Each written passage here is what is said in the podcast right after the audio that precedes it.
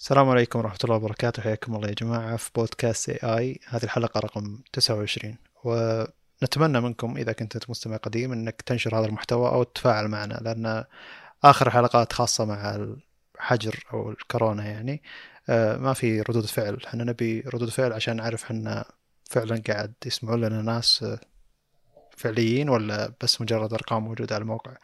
لأن نبي نعرف وجهات نظر المستمعين عن المحتوى. هل زادت الجودة انخفضت الجودة؟ خاصة إن إحنا كل واحد قاعد يسجل بالبيت يعني فما ندري هل تفاعلنا مع بعض ممتاز تفاعلنا مع بعض غير ممتاز تأخر ردة الفعل في مشاكل بالصوت أي شيء آه، ممكن تعلق فيه أو آه، تعطينا ردة فعل نحتاج ردة فعل عشان نستمر أو نحس نتحسن. فحياك الله أنا معي صالح ف... يا أهلا وسهلا. نبدأ. الخبر إيه الخبر الأول عندك نبدأ فيه. آه فيه خبر أتوقع يعني ما أدري إذا انتشر أو أخذ ذاك الصدى الكبير أو لا بس اللي هو أن فيسبوك شرت GIPHY آه كثير من التطبيقات وكثير من المنصات يعني تعتمد على GIPHY اللي هو ردود الفعل هذه ال reactions يسمونها. آه القصيرة آه اللي جاهزة يعني ما تحتاج تحملها ولا شيء من هذا الكلام. مثلا بتويتر أغلب ردود الناس الآن عبارة عن قفس متشابهة جدا أو أن نفسها منتشرة يعني. فهذه تكون كلها من قفي اللي آه، ما أدري إذا تدرون ولا لا بس يعني من الكيبورد اللي ما يعرف آه، تلقى فيه خيار آه، باحد التطبيقات زي تويتر مثلا أو بعض التطبيقات أن ترد بالقف هذا مباشرة بدون ما تحمله بدون ما يعني تعتمد على أي شيء. طيب الشراء كان بمبلغ 400 مليون دولار. آه، ممكن الأرقام هذه ما يكون لها معنى بالنسبة لنا. آه، لكن الكلام وش بيصير بعد هذا الشراء؟ زي يوم استحوذت فيسبوك على واتساب وزي يوم استحوذت فيسبوك على إنستغرام. بشكل عام أنا اللي قريته واللي عرفته واللي بحثته أن حاليا أغلب التطبيقات تعتمد على اي بي اي عشان تأخذ هذه البيانات. طبعا هذا ما هو حصر على GIPHY ولا أي تطبيق. هذا شيء منتشر جدا. زي مثلا انت تفتح موقع من مواقع ويب ولا آه، شيء بتويتر ولا حتى بواتساب يكون يتعامل مع جوجل آه، Maps مثلا. يعني تقدر تحدد موقعك. مثلا تفتح البريد السعودي تقدر تحدد موقعك ب Google Maps. آه هذا ما هو شيء مطورين البريد السعودي لا. عبارة عن API من يعني مثلا داخل البريد السعودي معتمد على Google Maps إنه ياخذ بيانات منه ويعطيه بيانات. فاللي بيصير الآن إن أنت يوم تضغط الزر هذا حق ال GIFs بتويتر مثلا بيصير في تحميل عشان يجيب ال APIs اللي أتوقع إنه يعتمد بتصفيتهم على الأكثر استخدام أو الأكثر انتشار يعني. فأنت أحيانا ممكن تلاحظ إنه يحمل مثلا أو شيء من هذا الكلام. التحميل هذا لأنه يجيب يعني البيانات هذه مخزنة عند GIPHY فهو قاعد يجيبها. اللي بيصير غالبا اللي بتحاول آه، فيسبوك إنها تطبقه إنها تعتمد على اس دي كي اس دي كي يعني software development kit اللي بيصير بالضبط إنه بدل ما يصير إنك مثلا تكلم رابط معين أو API معين عشان تسحب هذه البيانات إنك بتكون متبني هذه البيانات داخل التطبيق. آه، يعني أول شيء يعني من الميزات اللي بتصير من هذه الحركة عشان نقدر نفسر الفرق بينهم إن ال traffic بيقل على السيرفرات حقت GIPHY. يعني مثلا بدل ما أستدعي كل مرة كل ما جيت أحط GIF آه، أروح أكلم الرابط هذا وأخذ منه بيانات أبصير لا هذه البيانات موجودة عندي داخل التطبيق اللي أنا أستخدمه. آه، يعني مثال على هذه الأشياء اللي جرب يطور آه، الحين Flutter مثلا عندهم اللي هو material material اللي هي الخط حق اندرويد أو حق جوجل الإيقونات حقت اندرويد وجوجل كلها تحت ال تحت ال material هذا. فال material مخزن عندك داخل. هو اسمه material مو ال material يعني خامته. لا اسمه كذا. هذا مخزن عندك داخل. يعني مثلا الإيقونات حقتك اللي داخل التطبيق. أنا ما أتكلم عن الإيقونات اللي هي ال emojis. لا أتكلم عن اللي ترمز لشيء معين. زي يوم مثلا داخل تليجرام أو واتساب تجي بترسل. الزر اللي تضغطه له شكل له ايقونه الايقونه هذه غالبا تكون built-in داخل التطبيق فتعتبر asset يعني هذا أنا الآن ما أحتاج إني أكلم آه، جوجل أكلم ال API حق جوجل عشان أطلع منهم البيانات هذه. هذه موجودة محفوظة عندي داخل.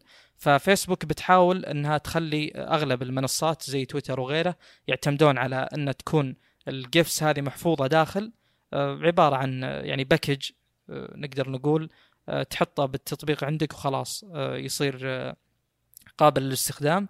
وميزة أخرى غير ال traffic إنها تقلل ال traffic الميزة الأخرى بتكون إن ممكن آه، فيسبوك يعني تستفيد من هذا الشيء إنها تحصل على آه، بيانات إحصائية يعني آه، يعني كونها مثلا شركة تجمع بياناتها بشكل عام فبتستفيد من هذه الناحية. لأن مثلا أنا الآن يوم أستدعي API اللي بيوصلني اللي هي البيانات هذه لكن ما راح يرجع لل API يعني API يقول له إن ترى فلان استخدم هذا الشيء. فهو يعني يعطيه لستة من الأشياء هو يستخدم اللي يبيه بدون ما يرجع شيء لل للشخص الموفر أو للخدمة الموفرة لهذا ال API فالآن كونها داخل بال بالتطبيق نفسه آه، ممكن هذا الشيء يعطيهم بيانات أكثر ويعني يفيدهم بشكل إحصائي. آه، بس. إذا عندك جميل. تعليق. أسلم. الفكرة هنا أكثر شوي يعني تفصيل إن فيسبوك تبي تبي المطورين يستخدمون ال SDK علشان تجمع معلومات أكثر. فلما انت تدخل على موقع GIPHY حاليا اللي هو الصور المتحركة أو اي الصور المتحركة فعلا أه تلقى كل الاقتراحات إنك تقدر تستخدم ال SDK حقنا علشان تقدر تحط ال GIFs حقتنا بتطبيقك. فزي اللي قاعد تدفع هذا الشيء لواجهة الموقع وقاعد تدفع المطورين إنهم يستخدمون ال SDK حقها. بينما لما تروح تبي تستخدم ال API حقها في صعوبة إنك تحصل ال API حقه في نفسهم مع إنه موجود بموقعهم. وحتى إذا فتحت الصفحة اللي تدلك إنك شلون تستخدم ال API حقهم بيقترح لك إنك تستخدم ال SDK علشان المزايا اللي قالها صالح تو فالفكرة هنا إنهم يبون يبون يخلون المطورين يستخدمون ال SDK علشان يقدرون يجمعون كمية بيانات أكبر. والساحة هذه اللي هي آه، البحث عن آه، صور متحركة ردود فعل علشان الناس تستخدمها ما فيها أي محرك بحث قوي ثاني غير GIPHY فزي اللي تحس إن فيسبوك فجأة سيطرت على السوق ب 400 مليون دولار. فما في لها أي منافس ما في أي منافس يعطيك اس دي كي أو اي بي اي بالطريقة هذه المباشرة إنك تستخدمها. والطريقة الواسعة هذه جدا. آه، ممكن فيسبوك علشان تبي بيانات أكثر مستقبلا تلغي إن الناس يقدرون يستخدمون ال API وتخليهم بس يستخدمون ال SDK بحيث إنها خلاص تقدر هي تجمع المعلومات وتعرف الناس شلون يستخدمون ال GIFs حقتها.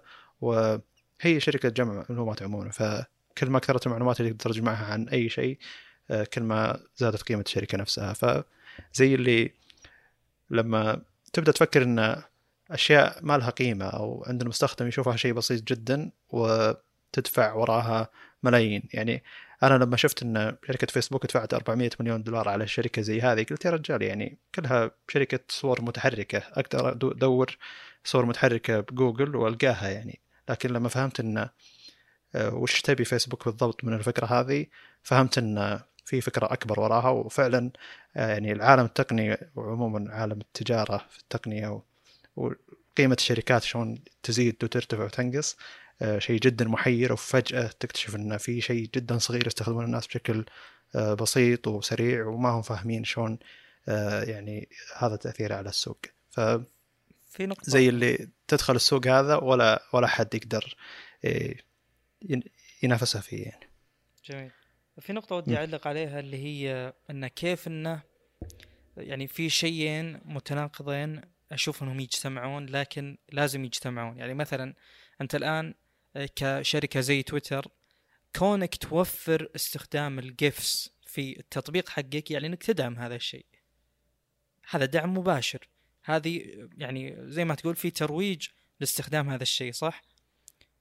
بنفس الكلام آه يعني لو تبي تتفادى يا تويتر هذا الشيء بتضطر يعني تطوره من نفسك فهمت؟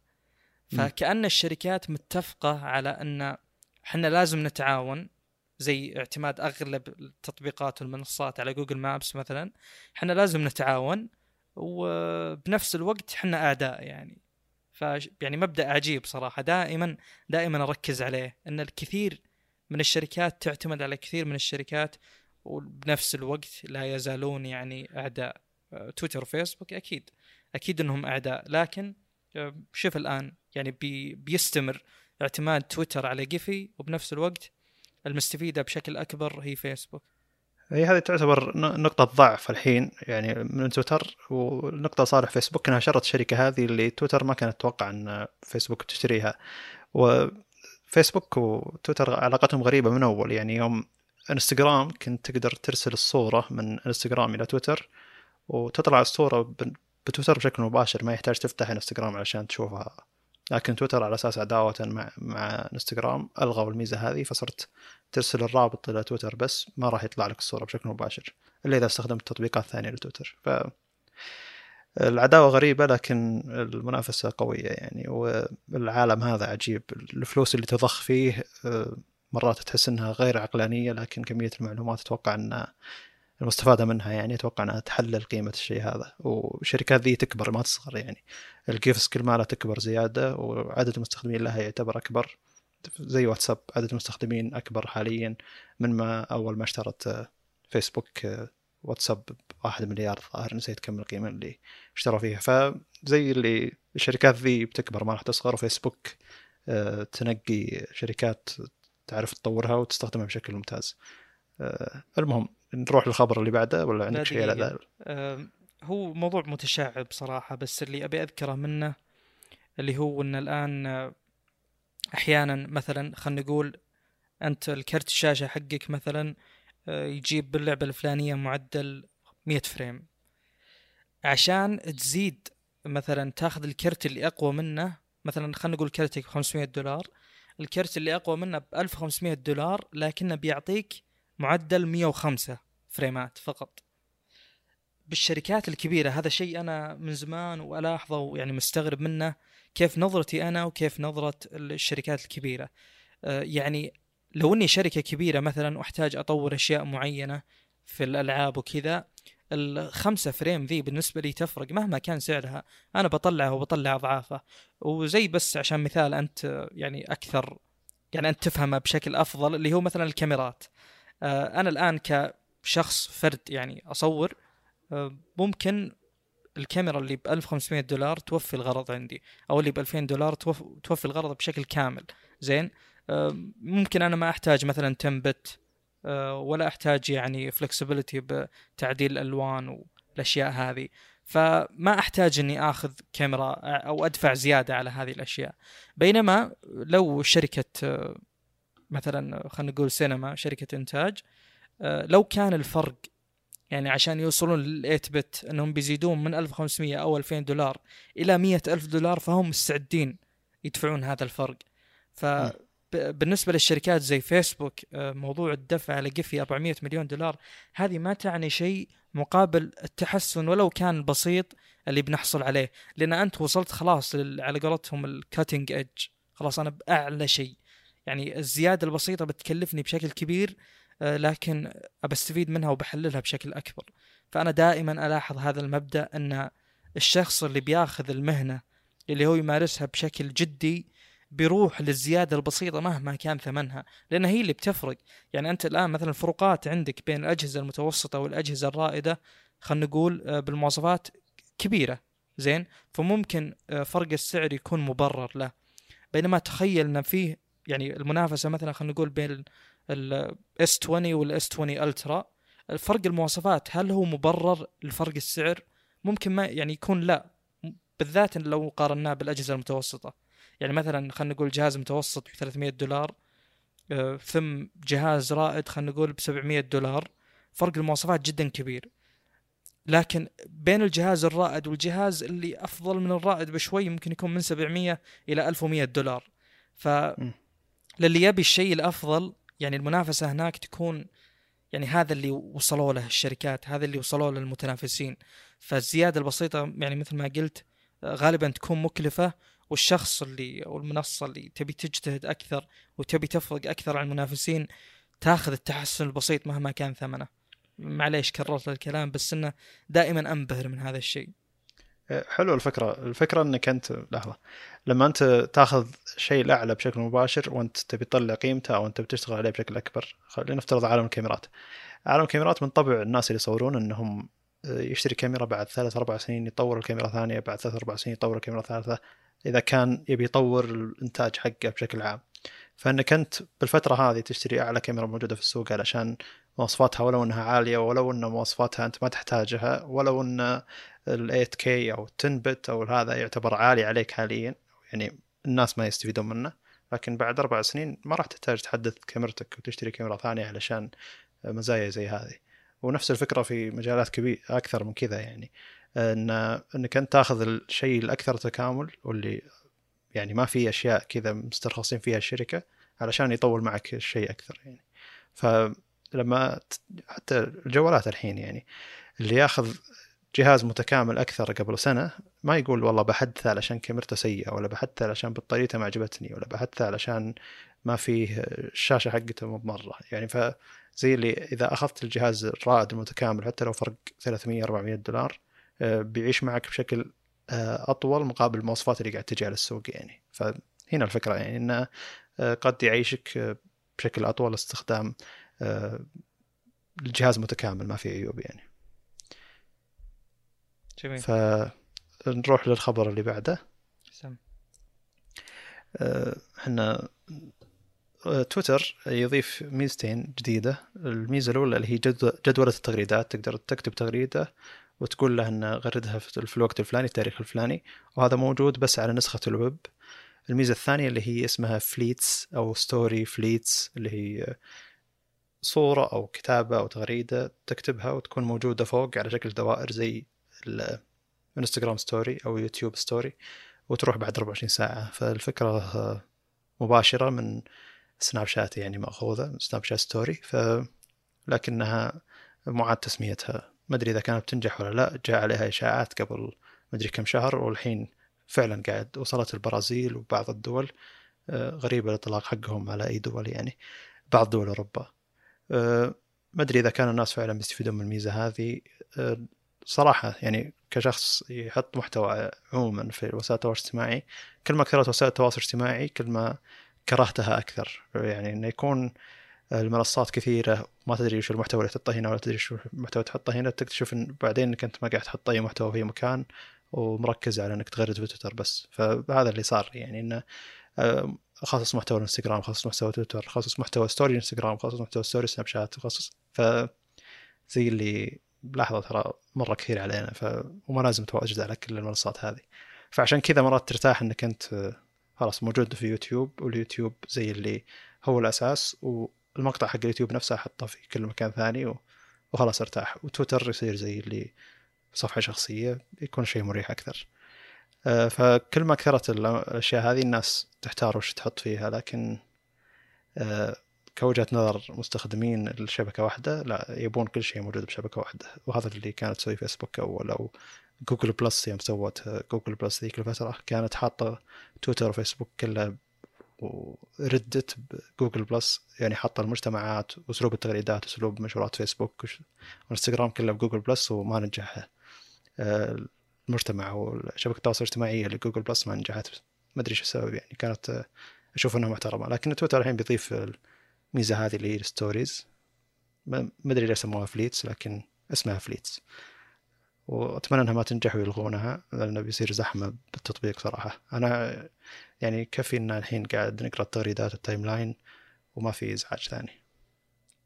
بالنسبة لي إذا أنت خلصت طبعا أشوف إن هذا الشيء اللي هو الشيء المؤقت اللي ما هو دائم اللي تنشره بوسائل التواصل يحفزك أكثر أنك تنشر زيادة وهذا الشيء يفيد المنصات هذه. يعني مثلا أول ما طلع سناب شات أشوف إنه من أقوى نقاط القوة فيه إنه يعطيك الجرأة إنك تنشر لأنه وشو بعد فترة بيروح. أصلا قبل لا يتواجد أو قبل لا الناس تبدأ تستخدم story كانوا يرسلون لبعضهم فيديوهات على الخاص إذا تذكر.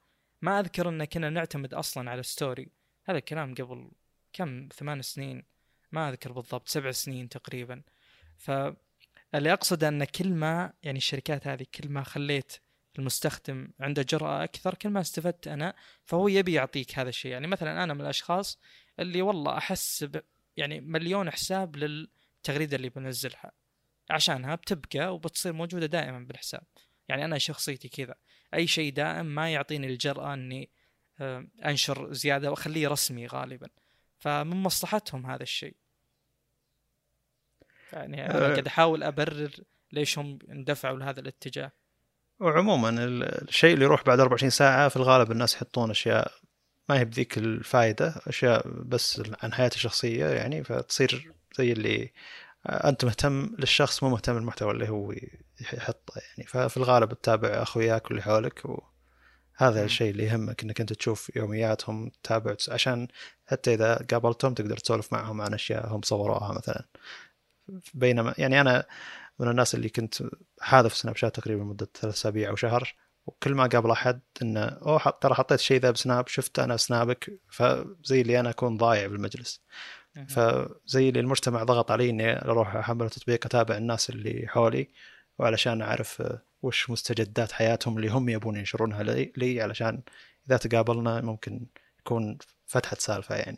فتويتر أحس إنه يعني ممكن يبي شيء ذا يبي إن الناس تنشر أشياء آه، خاصة أكثر آه، بالشخص يعني. فالناس يحبون الاطلاع على خصوصيات الأشخاص اللي يحبونهم بشكل أكثر يعني. ف وهذا الشيء اللي أتوقع إنه رفع سناب شات بشكل عام إن الشخص ينقل يومياته أشياء خاصة فيه والناس اللي ما عندها ذيك الحياة يعني أو حياتهم شوي روتينية يبون يتابعون الأشخاص ذولي اللي شوي الحياة عندهم آه، أكثر تفاعل يعني. يعني يعتبر شيء محتوى ممتع عموما. لكن آه، تويتر أنا أشوف إنه منصة آه، يعني أخبار صاير منصة أخبار رسمية نقاشات مزعجة. أو إنك تتابع حقين التقنية وأيضا في نقاشات مزعجة من حقين التقنية. لكن شوي الحين أعتقد إن محبي التقنية شوي بتويتر آه، صار عندهم أكثر نضوج شوي وتقبل البعض. فان شاء الله انه يعني حتى حتى لو آه، تجي أشياء زي كذا يوميات أو غيرها يكون آه، زي اللي يضم يضم المجتمعات ذي لبعضها أكثر أو يخليهم يتعرفون على بعض أكثر. مع إني ما أحب أنشر أشياء شخصية عموما. جميل. نروح الخبر اللي بعده. طيب آه، في خبر ذكرناه قبل يمكن بودكاستين أتوقع اللي هو بخصوص آه، يعني اتحاد أبل وجوجل عشان يعني يساعدون في حل انتشار آه، كورونا ومن هذا الكلام. ذكرنا أن الفكرة كانت ولا زالت طبعا أن لو شخص أصيب كورونا ال- التطبيق هذا أو المنصة هذه ال API يشوف من الأشخاص اللي اختلطت معهم أنت. عشان يعني زي ما تقول يعطيهم تحذير أو آه، يعني يعلمهم أن ترى أنت اختلطت بشخص آه، يعني أثبتت إصابته بكورونا. ف الفكرة بشكل عام يعني إنه آه، طبقت طبعا في دولة من الدول أنت قلت لي بس ما أدري بحثت ما لقيت. آه، الفكرة بشكل عام إن أنت الآن باعتمادا على اللوكيشن أو اعتمادا على أي آه، طريقة أو أي آه، وسط يعني آه، يقدر هذا مثلا التطبيق يعرف يعني مثلا أنت طلعت الآن بالشارع وجوالك قرب من جوال ثاني آه، بهذه الطريقة يعني يسجل مثلا الجوال الثاني من الجوالات اللي أنت آه، اختلطت معها يعني يسجل صاحب الجهاز هذا. طبعا جوجل تقول أنه آه، يعني إتاحة أو تشغيل هذه الخدمة هو آه، يعني خيار راجع لك أنت. أنت اللي تتحكم في أنك تنشر معلوماتك أو لا. حتى وقت ما تصاب بكورونا مو لازم يعني تعلم أن فيك الإصابة هذه. طبعا أنا ما أدري عن صحة هذا الكلام بس هذا كلامهم يعني. ف هو الميزة على الورق مفروض أنها جدا يعني بتفيد بشكل كبير. لكن الوصول لها آه، إلى الآن الظاهر من الشركات الرسمية فقط أو من المنظمات الرسمية في أمريكا آه، بحسب صفحة جوجل. طبعا هذا الكلام كله من جوجل ترى. من الصفحة اللي هم حاطينها ف بس إيش تعليقك؟ طيب آه، بعطي تفاصيل أكثر اللي هو أول أول شيء أول دولة طبقت أخذت ال API هذا وطبقته على تطبيق اللي هو آه، سويسرا وانشرت التطبيق هذا عندها اسمه Swiss Swiss آه، كوفيد اسم التطبيق الفكرة إن جوجل وأبل مشتغلين على API تقدر تحطه في تطبيق كأي دولة تبي تأخذ ال API هذا وال API هذا يستخدم البلوتوث وال GPS علشان يعرف وين مكانك بالضبط وكم اختلط كم اختلطت بأشخاص ثانيين أو قربت منهم وكم الفترة اللي أنت قربت منهم بحيث إن إذا أنت قربت من شخص واكتشفوا بعدين إنه مصاب فيروس كورونا بيقول يعني بيعطيك تنبيه تطبيق تنبيه انه تراك أنت اختلطت بشخص فيه كورونا وهذا الشخص يعني بيعطيك تفاصيل إنك اختلاطك معه ويقول لك انتبه لنفسك أو روح افحص علشان تتاكد منه. فالأصل إن جوجل نفسها طرحت الفكرة ذي الحين على أكثر من 22 دولة واللي اللي على طول ردت رده الفعل سريعة كانت من سويسرا. أتمنى إن الحكومات الباقية تتفاعل مع الفكرة ذي. آه، الجانب الخصوصية ما الخصوصية تكلموا عنها بنفس المواقع حقتهم جوجل وابل نفسهم إن آه، الخصوصية تعتبر جيدة بالنسبة لك. إحنا معطيكم API ما إحنا معطيكم SDK زي اللي إحنا تو شرحنا الفرق بين SDK وال API عموما تعاون ابل وجوجل هنا تكلمنا عنه أول عن إنه قد يكون يعني كميه معلومات المزيد من المعلومات يعني لكن يعتبر تعاون جيد. الحين إذا فتحت أنت جوالك أي شخص عنده جوال بتلقى لما تروح ما أدري عن جوالات آيفون وين تروح بالإعدادات علشان تلقاه لكن في أي جوال أندرويد لما تروح للإعدادات ثم الحسابات وتروح حسابك في جيميل بتلقى آه، اللي هو كوفيد 19 exposure notification ولما تدخل عليه بيقول لك إن هذا الشيء غير مفعل الحين موجود بدولتك. آه، إذا دولتك استفادت من التطبيق أو فتحت تطبيق آه، مستخدمين فيه ال API بتقدر مباشرة تربطه مع الكوفيد 19 notification هذا أو notification exposure ويشبك بشكل مباشر ويستخدم البلوتوث وال location مع آه، أي جوالات في العالم دام إنها أندرويد أو iOS. ف تعتبر شاملة بشكل كبير. أتمنى إن يعني يطبق عندنا. تطبيق توكلنا موجود بس يحطون ال API عليه يعني و... وقد يفيد من الناحية هذه. آه، يعتبر شيء جيد وخبر ممتاز. آه، تكلموا عنه بعض التقنيين لكن ما غطوه بشكل جيد.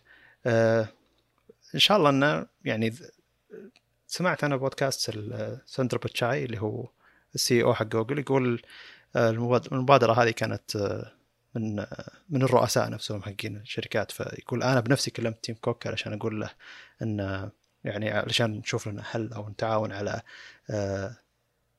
فكرة علشان نحد من انتشار هذا الفيروس يعني. فتعتبر فكرة جيدة لكن من ناحية الخصوصية والأمان ما أتوقع أنه بالوعد اللي هم يوعدون فيه فعلا يعني. آه، عموما الخصوصية والأمان عند جوجل وغيرها آه، ما هي بذاك الزود يعني. هم يعرفون عنك أشياء كثيرة ما يحتاجون يعرفون البلوتوث وال GPS علشان يعرفون مكانك بالضبط. هم من أول يعرفون مكانك بالضبط. جميل. فوش رأيك أنت؟ ما أدري من ناحية الخصوصية يعني أنت فاهم ال API أكثر مني فتعرف إنه وش يقدرون يأخذون معلومات وش اللي ما يقدرون يأخذونه. أه يعني مو لازم أصلا تكون مربوطة بهذه الخدمة عشان يعني أنا ما أتوقع إن هذه الخدمة زادت من أه يعني الأشياء اللي يقدرون يوصلون لها يمكن زادت الصلاحيات نقدر نقول.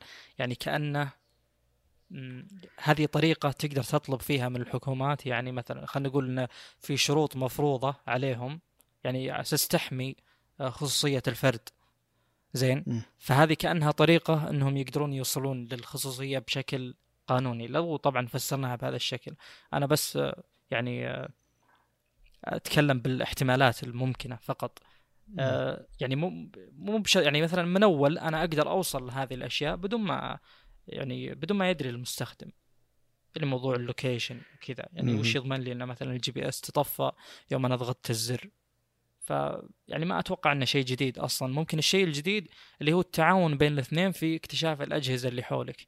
إيه هذا الشيء المخيف إنك أنت سواء معك هذا الجهاز أو هذا الجهاز جوجل أبل يعرفون إنك أنت يعني وصلوا لصلاحية البلوتوث وال location يعني أو ال GPS آه ما أدري. بس عموما آه الثقة بالشركات ذي اللي تجمع المعلومات عموما هدفها يعني مع إن ابل مو هدفها جمع معلومات بشكل أكبر. جوجل هي شركة بيانات بشكل أكبر. آه ما في ذيك الثقة يعني. فأنت عموما إذا استخدمت شيء زي كذا تكلمنا عن الخصوصيه بشكل كبير يعني فما يحتاج نغطي بشكل أكثر. أه نروح الخبر اللي بعده وعندك تعليق زيادة. لا بس. الخبر اللي بعده إن سوني أعلنت عن كاميرا وتعتبر كاميرا غريبة يعني. تقريبا سبع سنين وسوني تكشف عن كاميرا صغيرة اللي هي point and shoot اسمها اللي هي RX 100 وصلوا تقريبا الإصدار السابع. ف سبع سنين تقريبا كل سنة يعلنون عن كاميرا نفسها وتعديلات بسيطة. يضيفون منفذ 3.5 حق المايك يخلون الشاشة آه، تطلع لفوق علشان تقدر تشوف نفسك وانت تصور. يغيرون العدسة شوي يعني إضافات بسيطة يضيفون slow motion 960 frame على 720 مدري 480 آه، دقة. ف يعني زي اللي آه، الكاميرا هذه تعتبر جيدة لكنها كانت للفوتو. فالحين سوني أعلنت عن شركة عن كاميرا اسمها ZV 1 وهي تعتبر أول إصدار من هذا آه، الشكل اللي هي كاميرا موجهة لل YouTuber اللي يصورون يومياتهم ويسمونهم vloggers بشكل عام. آه، سعر الكاميرا 750 دولار حاليا آه، الأساس يعني علشان إذا إذا طلبتها pre-order أو طلب مسبق بيعطونك إياها ب 750 إذا نزلت بالسوق بتنزل ب 800 دولار الكاميرا مركزة جدا على جانب الفيديو. أه تصور 4K 30 فريم. إيش أه بعد؟ العدسة حقتها من 24 إلى 70 أه ملم ومن 1.8 فتح عدسة إلى 2.8 وهذا يعتبر شيء جيد. إيش بعد؟ الشاشة تنقلب على جنب ما تنقلب على فوق زي كاميرات سوني الباقية. فهذا يعتبر شيء جيد. زر التسجيل الصوت موجود فوق وهذا يعتبر شيء يوضح إنهم مركزين على الفيديو. الكاميرا نفسها يجي معها زي القماش أو الريش هذا اللي تحطه فوق المايك علشان يحجب صوت الهواء. فهذا يعتبر شيء جيد إنهم مركزين على الصوتيات في هذه الكاميرا. في زر في الكاميرا صراحة من الأزرار اللي عجبتني يعني اللي هو زر يخليك يخلي يضيف الأندي فلتر ويخلي الأولوية إن فتحة العدسة تكون أوسع شيء. فإذا كانت على 24 ملم تكون 1.8 إذا كانت على 70 ملم تكون 2.8 ويحوس بالاعدادات الباقية اللي هي الايزو لكن ما يغير فتحة العدسه يخليها أضيق شيء علشان يعطيك آه، آه، عزل قوي للتصوير بشكل عام. بعد الكاميرا ركزت عليه؟ فيها منفذ 3.5 حق المايك. إذا كنت بتضيف مايك والمايك حقها مو عاجبك يعني. البطارية حقتها هي نفس البطارية القديمة تعتبر بطارية صغيرة ما تعتبر بطارية كبيرة. فيها اللي هو مثبت بصري داخلي موجود في الكاميرا وفيها مثبت بصري إلكتروني تقدر تفعله لكن ياخذ crop زيادة على على على وجهك إذا كنت تصور وجهك طبعا. بس هذه مواصفات الكاميرا تقريبا ال 23 20 ميجا بكسل والواحد إنش آه، كبر المستشعر نفسه. العدسة زايس والشاشة 3 inch LCD. ما فيها viewfinder ال RX القديمة كان فيها viewfinder فمناسبة حقين الفوتوغرافي أكثر. فهذه ما فيها viewfinder لكن الشاشة فيها تنقلب. ف وش رأيك أنت عموما بالكاميرا؟ وهل هي فعلا موجهة للف... يعني هل هي فعلا تضبط للفئه اللي هي موجهة له أو لا؟ وهل السعر مناسب أو لا؟ بالنسبة لي طبعا أتوقع تعرف وجهة نظري. أنا ما يعني أكره الكاميرات اللي عدستها ثابتة يعني غير قابلة للتغيير من البداية. أصلا إيه الكاميرات اللي عدستها قابلة للتغيير في أجزاء يعني في طرازات كثيرة أكرهها بشكل عام. فأنا ما أحب هذه الفئات صراحة من البداية أه، ولا أشوف إنها تسوى.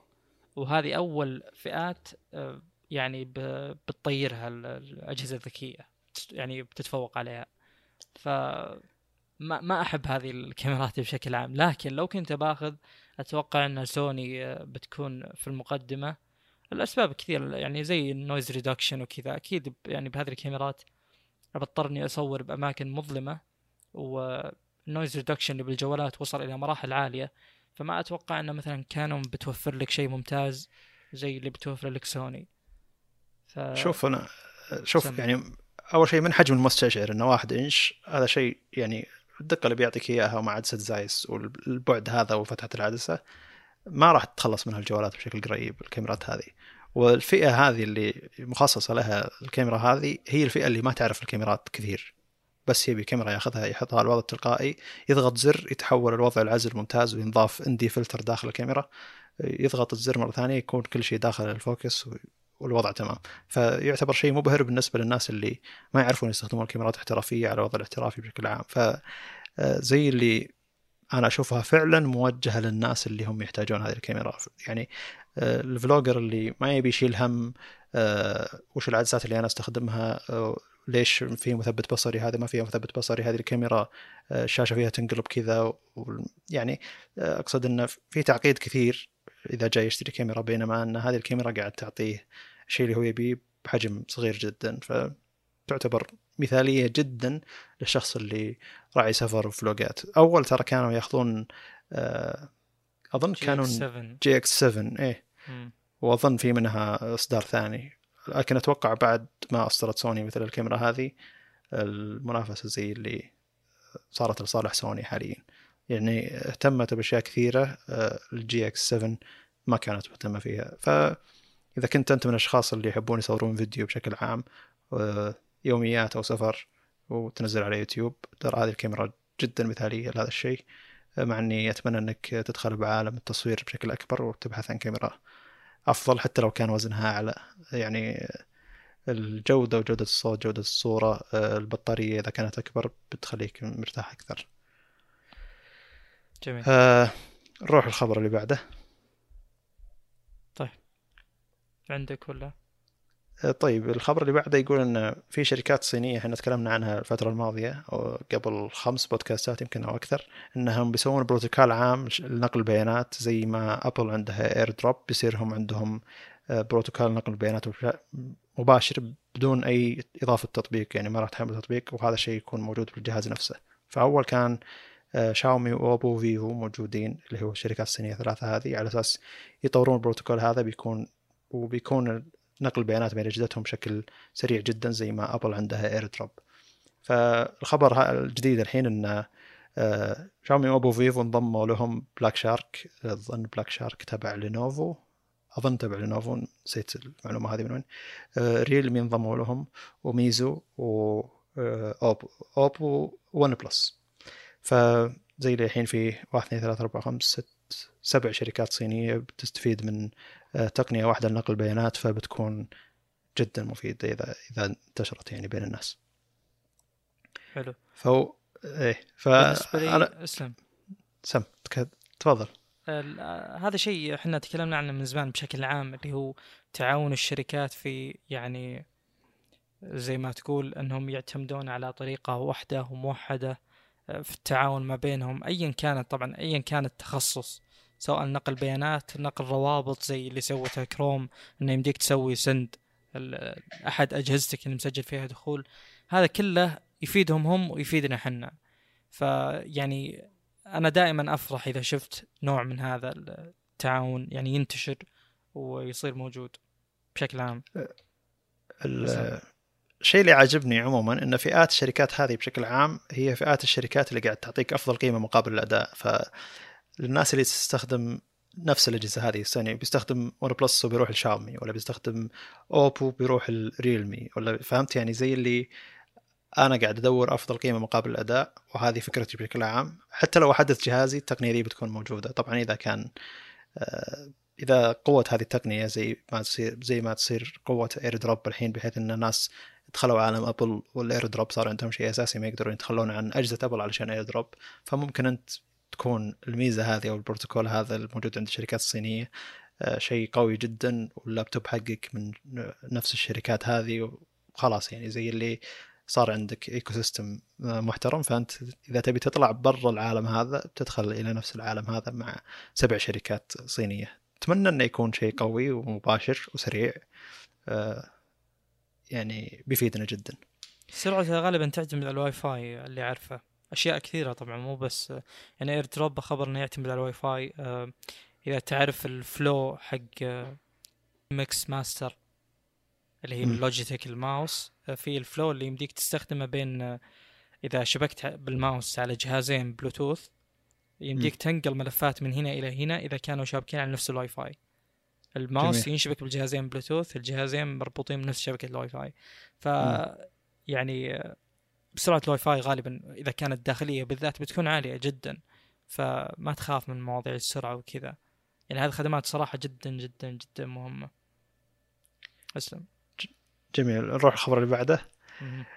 طيب آه، يوتيوب أضاف ميزة وقد تكون هذه موجودة عندك من شهر شهرين. يعني جوجل من عادتها إذا ضافت ميزة تقدر توصل بالتدريج للناس وتوصل الناس قبل الناس. لكن الميزة هذه إنها يكون الفيديو نفسه على شكل chapter ات يعني تلقاه تحت بال timeline حق الفيديو نفسه تحت زي اللي قطع كذا وكل قطعة مكتوب فوقها وش هو الجزء هذا من الفيديو. علشان آه، طبعا ما راح تلقاه مدعوم بكل المقاطع لأنه لازم الشخص اللي قاعد ينشر المقطع نفسه يكتب في وصف التع... في وصف الفيديو نفسه الزم... كذا الحدود الزمنية لكل آه، جزء من الفيديو فمقدمة الفيديو من الثانية الفلانية إلى الثانية الفلانية أو من الدقيقة الفلانية الدقيقة الفلانية. بعدين آه، تكلمت عن مثلا إيجابيات الشيء ذا من الدقيقة الفلانية الدقيقة الفلانية تكلمت عن السلبيات من الدقيقة الفلانية الدقيقة الفلانية فأنت تقدر تتنقل بشكل مباشر. ف تعتبر ميزة جيدة إذا كان مطورين المحتوى أو منشئي المحتوى آه، يستخدمونها. الميزة ذي ممكن طلعت عندك بعض المقاطع ممكن لا. لكن لازم نفس الشخص اللي ينشر المقطع يحط التقسيم هذا. آه، متى بداية ال... يعني يحط من من من الدقيقة صفر إلى الدقيقة ثلاثين مثلا أو الثانية ثلاثين آه هذه المقدمة. بعدين من الثانية ثلاثين إلى دقيقة ونص هذه مثلا آه دعاية أو شيء يتكلم عنه بشكل عام. لازم يحطه موجود في الوصف. أول كنت تقدر تروح للوصف وتضغط على المدة الزمنية اللي هو محددها لهالشيء اللي بيتكلم عنه لكن الحين تقدر موجود ال timeline نفسه. طبعا هذه في الأجهزة الذكية في الغالب في يوتيوب نفس الموقع ما تدعم الشيء هذا للحين. أه فتتنقل بشكل مباشر ويكون عندك تصور أكبر أن كم قسم متقسم المقطع حق اليوتيوب وشون تقدر تتنقل له بشكل مباشر. فايش رأيك بالميزة هذه؟ أنا قد فتحت قبل كم سنة أه، مقطع شخص حاط داخل المقطع كذا فواصل زمنية أو يوم جاي يتكلم يعني قال ترى في أقسام وطلع يمين الشاشة أقسام آه، قسم كان يجمع PC. فقسم تركيب كذا قسم تركيب كذا. كنت إذا ضغطته يوديني للمكان هذا. أنا ما أدري هذه الميزة من يوتيوب ولا منها. طبعا أكيد إنها من يوتيوب فما أدري إيش فرقها عن اللي قلته أنت في تقسيم المقطع. ما أدري إذا مر عليك شيء زي كذا ولا لا لأني انبهرت صراحة يوم شفته. كان مختصر شيء كبير. أسلم. هو هو يمكن حاط البطاقات اللي على جنب. هو تقدر أنا كشخص أقدر أرسل لك مقطع رابط يوتيوب يعني ولما تدخل على المقطع تدخل على الثانية الفلانية اللي أنا محددها إيه فهمت؟ عارف فهو قد يكون إنه حاط هذه الروابط في آه، قسم البطاقات اللي تطلع في اليوتيوب. عرفت هالبطاقات اللي هو إيه. حرف الآي الموجود على اليمين في الدائرة فممكن أنت تقدر تضغط عليها وتنتقل مباشرة. مم. لكن الحين عموما آه، ما أدري برسل لك مقطع علشان تشوف شلون صاير الوضع قد تكون أنت شفت الفكرة هذه اللي هو آه، زي أنت بتقدم آه، مدة 10 ثواني 10 ثواني لما تتقدم يروح. يوريك المدة الزمنية لكل لكل قسم ويوريك العناوين حقتهم فوق إذا ضغطت عليهم وش الشيء اللي قاعد يتكلم عنه هذا الشخص فتعتبر شيء ممتاز خاصة مثلا حقين البودكاست اللي عندهم فريق يقدر يحط لنا من متى إلى متى تكلمنا عن الشيء ذا من متى إلى متى تكلمنا عن الشيء ذا.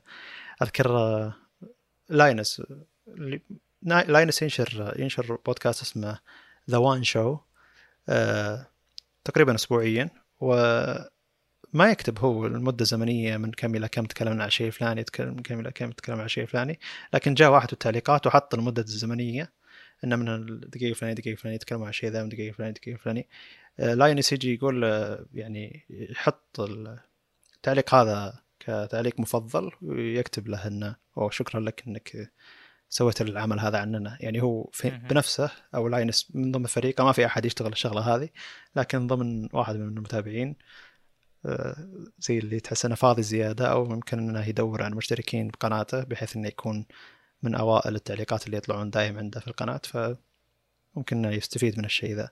بس عموما إنه تقدر أنت كشخص بتعليقات اليوتيوب تضيف مدة زمنية تعلق فيها تقول آه، الفلانية يتكلم الشخص عن كذا ولما يجي واحد يقرأ تعليقك يضغط على المدة الزمنية. لما تحط بس صفر صفر نقطتين رأسية ثم مثلا ثلاثة صفر على طول يوديك للثانية ثلاثين.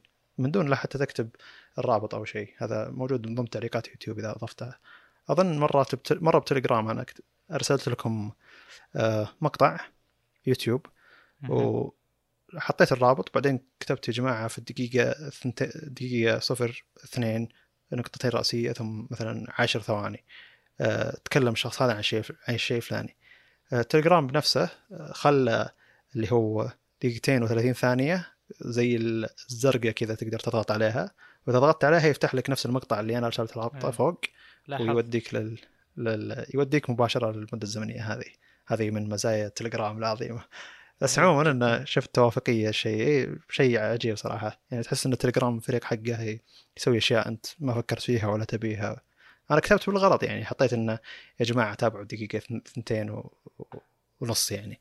بالغلط كتبت الشيء ذا اكتشفت انه أوه هذه ميزة موجودة في تليجرام فعموما انه الحين لما تدخل أي مقطع يوتيوب يكون طويل أو يكون شخص مجزء إلى أجزاء آه، تعتبر مزايا جيدة هذه. خاصة الحين ال- ال YouTubers اللي يكون عندهم آه، فترات دعائية ابو 10 ثواني 20 ثانية يحط إن هذه ال 20 ثانية دعاية فأنت تقدر تتجاوزها بشكل أسرع يعني فيعتبر شيء مريح. جميل. أه، بس بعلق على إن تليجرام بعد من الأشياء الجميلة فيه إذا أرسلت رابط وعشان يعطيك preview أه، ما يحتاج إن ال preview يطلع وقت الإرسال. عادي لو ترسله هذه مهمة جدا. يعني أحيانا واتساب يطول عشان يعطيك ال preview حق الموقع الفلاني.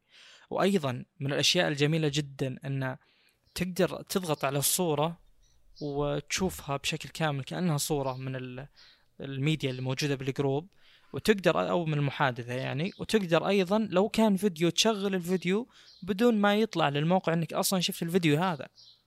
جميل. شيء رهيب جدا. وتبقى موجودة التطبيق أنت بعد هذه مرات. تخليها زي اي ما تطلع ولا. شيء. جميل. جميل. جدا جدا. مع إنه واتس- واتساب بيدعم الشغلة ذي الظاهر يوتيوب وإنستغرام مقاطع يوتيوب وإنستغرام يدعمها واتساب. إي شغلها كمنبثقة أذكر. مم. بس بس يوتيوب مو أشياء ثانية. لأن هذا يعطيك مثلا إذا أعطيتك موقع إخباري في من الأخبار كذا مقطع عادي يفتح لك المقطع. امم والظاهر واضحة واضحة الفكرة. إي ذكرت شيء. الظاهر بعد أذكر اللي أبهرني مرة من مرات ان الموقع هذا أو الرابط فيه زي ما تقول جاليري يمديك تفتح أكثر من صورة يعني في أكثر من صورة موجودة. فكنت يمديني أشوف الصور وأنا ما دخلت للرابط أصلا من برا. امم فكل كل شوية أنبهر زيادة. آه، من الأشياء اللي كنت بقولها لك اللي هو فتحت المقطع هذا اللي من قبل خمس سنين وفتحته طبعا بال بكروم. فيوم جيت أضغط على الأشياء اللي هو حاطها آه، ما ما ضغط. ما قبل مم. قلت شكلي فاتحه بالجوال وافتح بالجوال وأيضا ما صار يضغط فالظاهر إن يوتيوب آه، عطلوا ميزة لها علاقة بهذه اللي هو أذكر مم. أول كان يمديك تحط البطاقة هذه اللي شوفوا المقطع الفلاني الحين صارت بس تطلع الآي تذكر اي جميل قبل الآي. كان يطلع كذا ال thumbnail حق المقطع كله حلو، فأتوقع حلو، إنه هو. مسويها بهذه الحركة لكن الآن آه، ما ما صارت تشتغل لا بالجوال ولا على ال- اللي هو الويب طيب أتكلم عن الخبر الأخير الآن. يلا. أه، ما راح نتكلم عن تفاصيل كثيرة أتكلم من ناحية تقنية اللي هو معالجات إنتل الجديدة. بس إنها بدأت تنتشر للمراجعين وبدأوا يعطون تجاربهم وآرائهم عنها. ومن ضمن يعني قراءتي ومشاهدتي لاحظت إن في شيء غريب صراحة. إنتل عندها حركة اللي هي إن مثلا عندي المعالج ال i 7 الأقوى حق الجيل الماضي. ال i 5 الجديد ممكن يكون هو نفسه ذاك بس معدل شوي. فهمت؟ إيه واضح. زي فكرة معالج سناب دراجون ظهر 730 يكون حق الجيل الماضي. عموما اللي صار الآن أن ال 9900 K اللي هو الثمان نوى اللي كان الأفضل آه، صار مكانه تقنيا اللي هو ال 10700 K ال i 7 آه، لكن مكانه اسميا اللي هو ال 10900 K. ف آه، الآن يوم يكون عندك معالج ثمان نوى بتردد عالي المفروض إنه يكون جدا ممتاز بال gaming هل زيادة النوى عن ثمانية بتفيده؟ الأصل في الوقت الحالي لا. فأنا رحت أبحث عن الأداء بين ال 10600 وال 10700 وال 10900 لقيت أن هم طبعا تقريبا كلهم حول التردد بس الفرق عدد النواة 6 و8 و10 لقيت أن الآن ال 10900 اللي هو المعالج ال gaming ال K يعني الأفضل آه، صار بمكان حرج صار بمكان نقدر نقول آه، يعني ما أدري مين بينصى هذه الفئة آه، لأن الأداء هذا تقدر تجيبه بالثمان نوى اللي هو ال 10700 توفر على نفسك تقريبا 100 دولار. ف إلى يعني وش اللي بيخليني أشتري ال 10900 الآن؟ أول هو اللي كان يعني الأفضل بال gaming كان في hyper threading اللي هو 8 نوا 16 thread ال i 7 ما فيه 8 نوا و8 threads فالآن صار ال i 7 فيه الشيء هذا 8 16 فصار بمكان آه، على قولة المراجعين بعضهم يعني يقول انه ب weird spot نقطة يعني مكان غير آه، يعني ما حد بيروح لهذه الفئة. يعني مثلا أنا الآن أحتاج شيء gaming ثمان نوا خلاص بروح آخذ ال 10700 طيب أحتاج شيء workstation أروح آخذ اللي هو 3900 X ب 12 نواة. أداء أفضل بال multitasking بال workstation من جميع النواحي أفضل من ال 10900 ف الان بالنسبة لي أشوف إن يعني زي ما تقول بدت تتباين الخطوط بين انتل و AMD بشكل أكبر وأكبر عن حتى قبل. الآن إذا تبي شيء gaming بحت بتقدر توفر على نفسك فلوس وتاخذ ال 10700 مثلا. آه، وإذا تبي شيء workstation خلاص أنت الآن بتروح لل يعني ال AMD بدون أي شك يعني. مفروض إن انتل تحل هذا الموضوع بالجيل الجديد لكن ما قدمت أي حل هذا الخصوص. يعني 10 نواة ترى يعتبر رقم عادي جدا بال workstation فهذا هذا ملخص الكلام لأن أصلا إحنا تكلمنا من قبل. إذا عندك طيب بس. أي أنا صراحة يعني الحين كثرة معالجات إنتل واسمائها وتفرعاتها وتقاربها من بعض هو اللي مخليني أصلا ما ألتفت لها بزيادة. يعني ف... وضوح وضوح. تف... يعني وضوح معالجات اي ام دي إن هذا هذا بالمواصفات الفلانية وهذا بالمواصفات الفلانية فوقها بشوي بالسعر. وبعدين هذا فوقه بشوي بالسعر بس فعلا في فرق بالأداء. هذا يخليني يعني زي اللي توضح لي الفكرة. فأنا آه، زي اللي الشركة اللي تنتج آه، جوالات واجد وكل الجوالات ذي قريبة من بعض ولا تقدر تركز على التسويق على أي جوال منها. آه، عشان نحط يعني نخلي المسألة شوي أبسط. فأنت تضيع ما تدري انت تاخذ زي الحين اللي تسويه شركات ريلمي أو آنر اللي هو ثلاث جوالات بنفس المعالج لكن الفروقات بينهم بسيطة. وأربع جوالات بالمعالج اللي أقل منه لكن الفروقات بينهم بسيطة. هذا يركز على الشيء الفلاني هذا يركز على الشيء الفلاني طيب أنا الحين ما أدري وش آخذ يعني. أنا كثرة الخيارات قد قربها من بعض. مو شرط يكون شيء مغري للشراء وشيء بيصعب عليك تسويقه آه، تسويق أي معالج منهم. لكن الحين فوضوح AMD انه في فرق بين 3600 و 3700 و 3800 و 3900 وكل كل واحدة فعلا لما تحطهم آه اللي هو specs المواصفات جنب بعض فعلا تلاحظ الفرق بينهم. لما تروح تشوف ال benchmarks فعلا بتلاحظ الفرق بينهم. آه فالفرق زي اللي hardware ي بالقطعة والفرق software ي فعلا في الأداء يعني. فوضوح الشيء ذا هو خلاني أكون مرتاح. فحتى أنت شرحك معالجات انتل في الحلقة الماضية يعني. أنا كان الصوت عندي كان يقطع فشوي ضعت فسمعت الحلقة آه، فهمت جزء كبير منها لكن ما زال الموضوع آه، زي اللي تفرع جدا كبير كثرة المعالجات جدا مشتت وبنفس الفئة اللي هي اي 7 في ثلاث معالجات من أربع معالجات وكل معالج فيه منه فئة ال K وفئة ال... ف زي اللي هذا شيء بالنسبة لي كواحد مقبل على إنه يشتري PC بس يدوش الراس ما راح يخليني أركز على وش فعلا أنا أحتاج وش فعلا يفرق عن الشيء الفلاني و فرق الفئات 10700 10900 إذا كان الفرق بينهم جدا ضئيل وكلهم يقبلون كسر السرعة تقريبا فبيكون مع كسر السرعة الفرق بينهم أكثر ضآلة يعني. ف ما أدري أحس إنه يعني سوي لي معالج واحد لكل فئة والمعالج هذا يعتبر محترم سوق له بشكل ممتاز وخله يدي أداء ممتاز بأغلب الأشياء. كذا بيكون تركيزك أفضل وفعلا تسويقك لقطعه واحدة بشكل أكبر يعني. ف مع أن عالم المعالجات يعتبر كبير يعني والناس اللي تبي الشيء الفلاني تبي الشيء الفلاني وعادة الناس اللي يجمعون أجهزة شوي دقيقين بالأشياء هذه. ف أنا شوي دايخ من اللي قاعد أسويه أنتل وأحاول إني ما أشد حيلي إني أفهم زيادة وش صاير لأني بتجه لل AMD حاليا يمكن بعد أربع خمس شهور بشتري PC يعني. ف مو الفكرة الحالية إني أتجه لإنتل إلا إذا فعلا أصدر شيء يستاهل يعني مع إني ما أتوقع. أنا أختلف معك نوعا ما في نقطة اللي هو التسمية لأن أنت ما أنت يعني التسمية ما هي دارجة معك أنت ما أنت familiar على قولتهم معها. لأنها واضحة وحالها حال AMD ترى اللي هي أنا عارف الفكرة إنه إذا حطيت ال K يكون قابل كسر السرعة إذا حطيت ال U يكون يعني كل حرف له شيء لكن أقصد إنه نفس ال i7 في منه ثلاث ثلاث فئات أو ثلاث معالجات هذا في منها فئة واحدة. وبعدين إيوه هم فئة واحدة. يصير هذا مع رايزن لكن الحين رايزن أنا دائما مركز عليه إنه هذا الجيل الثالث أو يعني زي كذا وما ركز إنه رايزن 7 ولا 5 ولا شيء. دائما مركز على 3600 3900 3800 3700 هذا الرقم اللي واضح عندي. وإذا جاء ال 4000 الجاي بيكون نفس الفكرة انه كل ما ارتفع الرقم فعلا يزيد الأداء وكل ما يعني نقص الرقم بينقص الأداء. لكن تسميات انتل خاصة مع وصولهم إلى 10000 ومدري كم يعني الرقم صار يبدأ يصير أكبر يكون شيء فعلا غير واضح يعني. ف إذا كان ال i5 آه، في منه 9400 وال i7 أول كان في منه 9400 أنا أشوف إنه 9400 رقم واحد.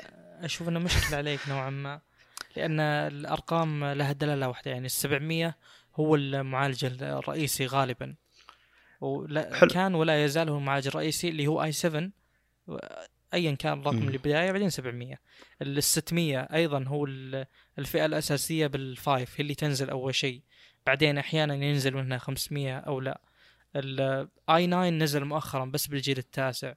فأشوف إنها واضحة نوعا ما. معالجات ال يعني هم عندهم لخبطة شوي يوم كان أول يمديك تاخذ مثلا 7600 ومدري كم X آه هذه كانت كريهة شوي.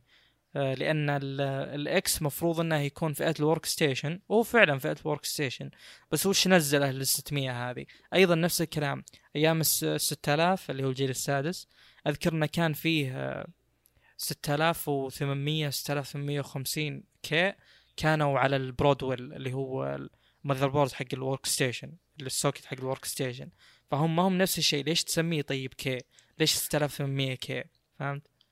إيه. لا بس الفك... الفكرة الحين اللي صارت بالذات مع ال i7 الجيل العاشر اللي هو 700 800 900 صح؟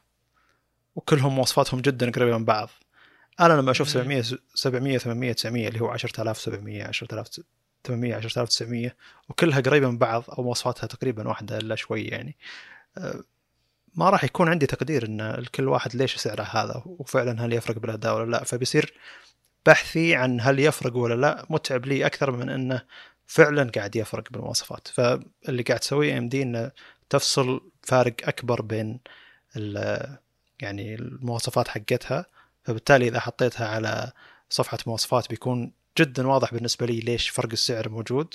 ولما أروح أبحث عن البنش ماركس فعلا بلقى الفرق موجود وما راح يشتتني الاسم يعني. فالحين لنفترض انه 10700 10800 10900 يعتبرون كلهم معالج واحد تقريبا لكن الفرق بالتردد مثلا فكلهم معدل أنوية واحدة عدد threads واحدة.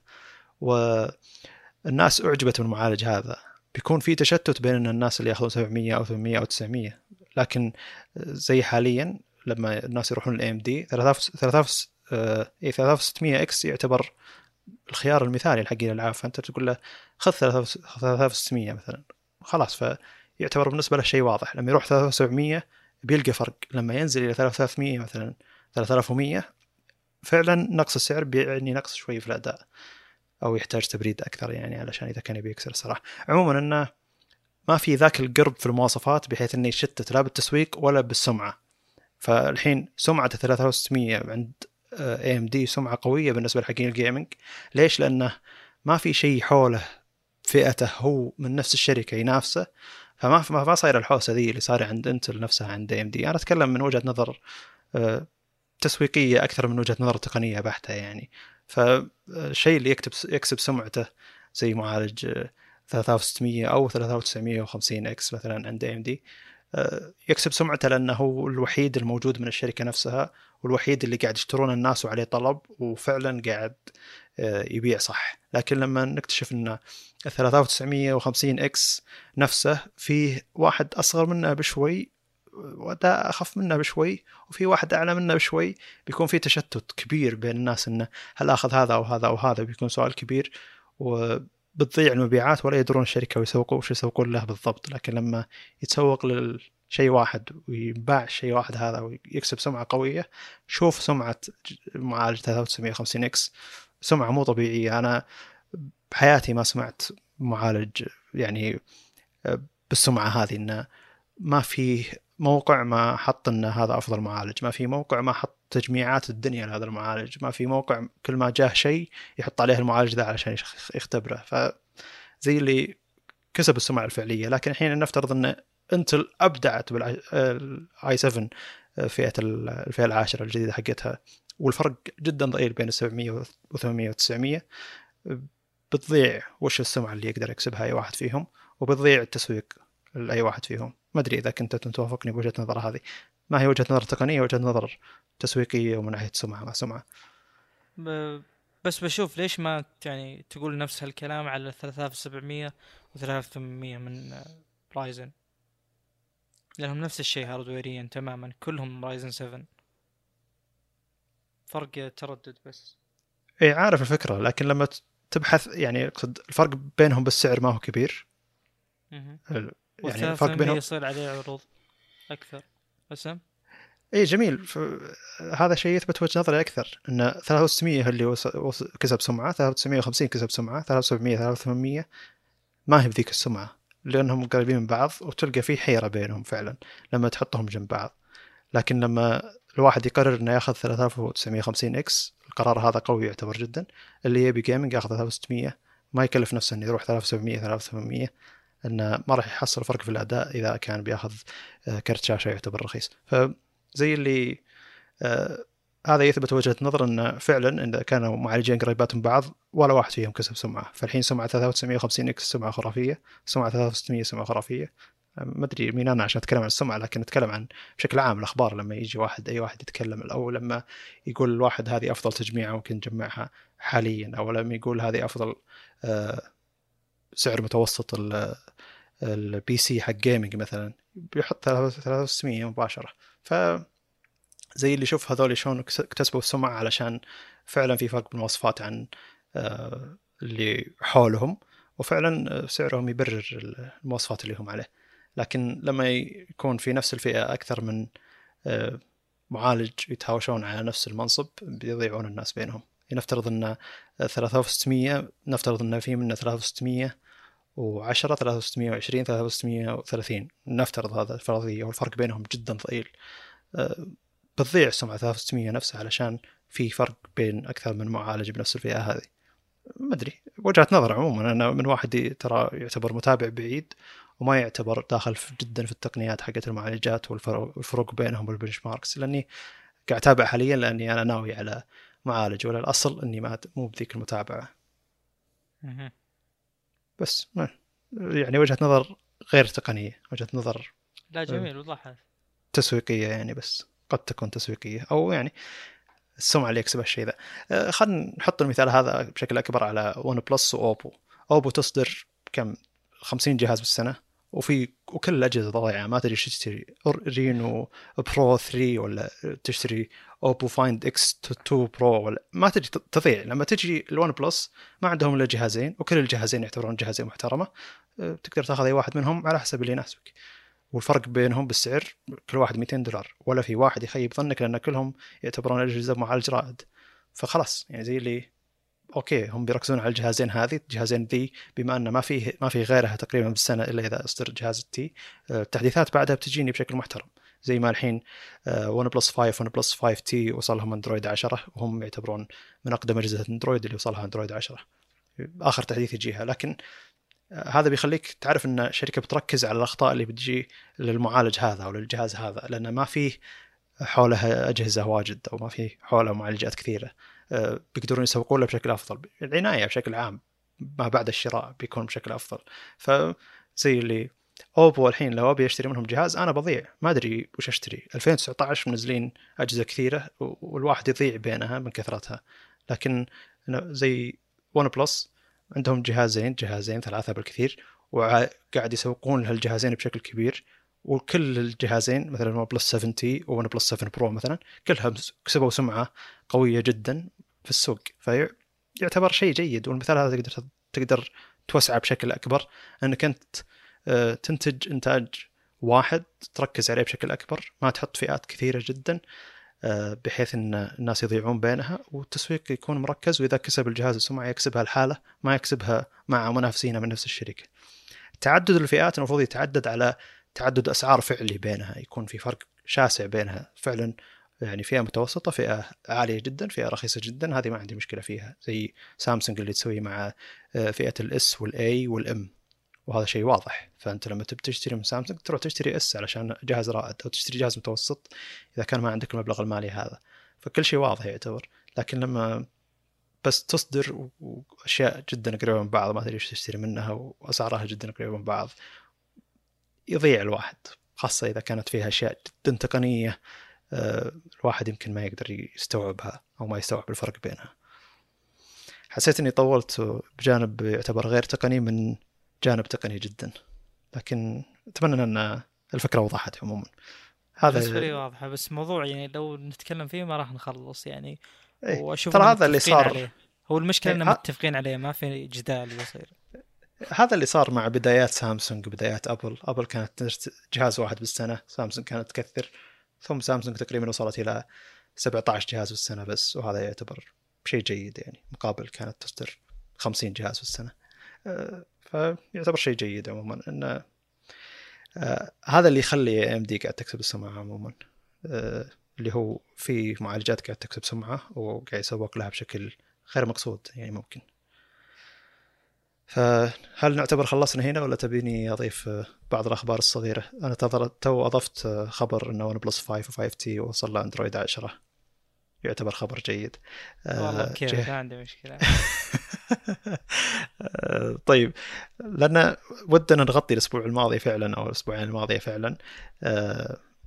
ون بلس بتصدر آه، الشهر الجاي بتصدر آه، سماعات true wireless اللي هي سماعات لاسلكية فعلية بدون سلك آه، محيط بالرقبة بينهم وفي تسريبات لهالشيء أتمنى ان تكون سماعات محترمة. جوجل عندها مؤتمر قادم في تاريخ ثلاثة من الشهر الجاي June أو أربعة.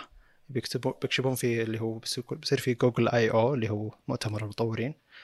آه إن شاء الله نغطيه بالحلقة الجاية. ويطلقون فيه بيكسل 4 a المتوقع طبعا. آه أتوقع أن وصلنا للنهاية هنا. أنا جميل.